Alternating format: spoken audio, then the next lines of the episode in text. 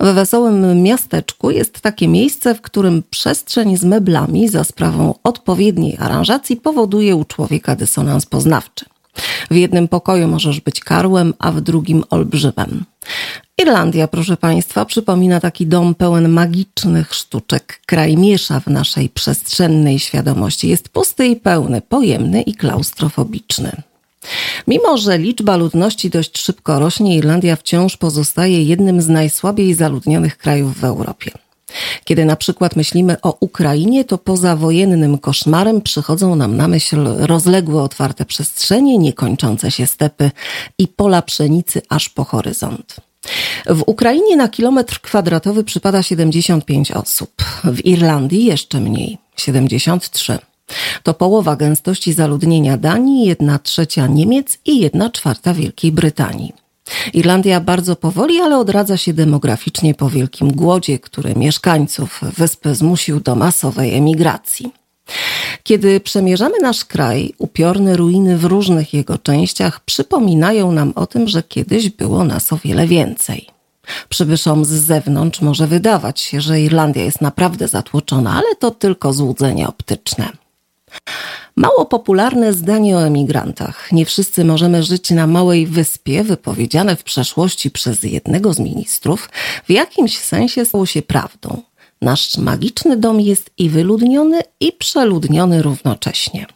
Ta sprzeczność paradoksalnie może wynikać z pewnego sukcesu.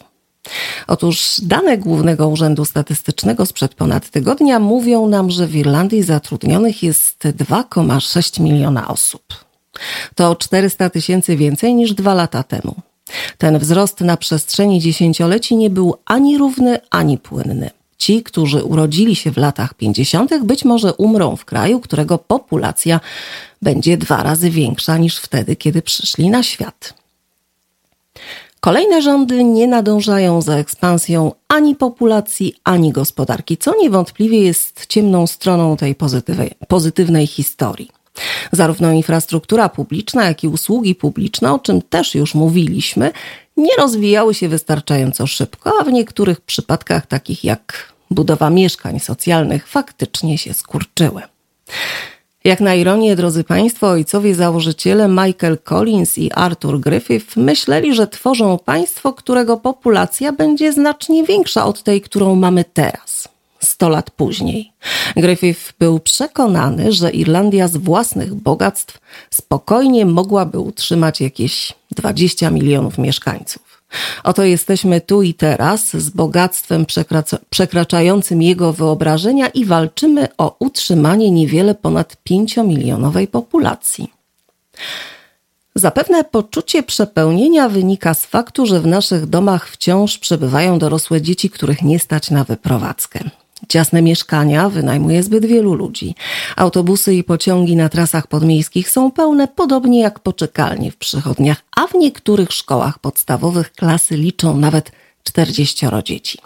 Stąd ten paradoks. Niby dużo przestrzeni dookoła, ale zarazem mało miejsca. Kraj w stosunku do wielki, wielkości populacji jest duży, natomiast państwo jest zdecydowanie za małe. Co zatem owa dwoistość oznacza dla irlandzkiej polityki?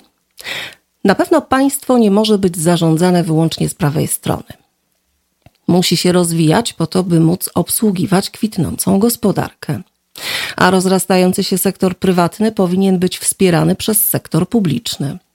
Konserwatywna doktryna zmniejszania państwa jest czymś szalonym z punktu widzenia inwestujących w Irlandii międzynarodowych korporacji.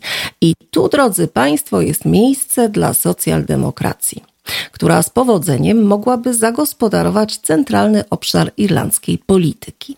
Tymczasem Niepowodzenia państwa i to na wielu płaszczyznach sprawiają, że Irlandia wydaje się pękać w szwach, choć w rzeczywistości tak nie jest. Coraz bardziej chaotyczne wysiłki rządu, by pomieścić zarówno ukraińskich uchodźców, jak i osoby ubiegające się o azyl z innych krajów, chcąc nie chcąc podsycają toksyczne kłamstwo o kraju zbyt ciasnym dla tych wszystkich ludzi.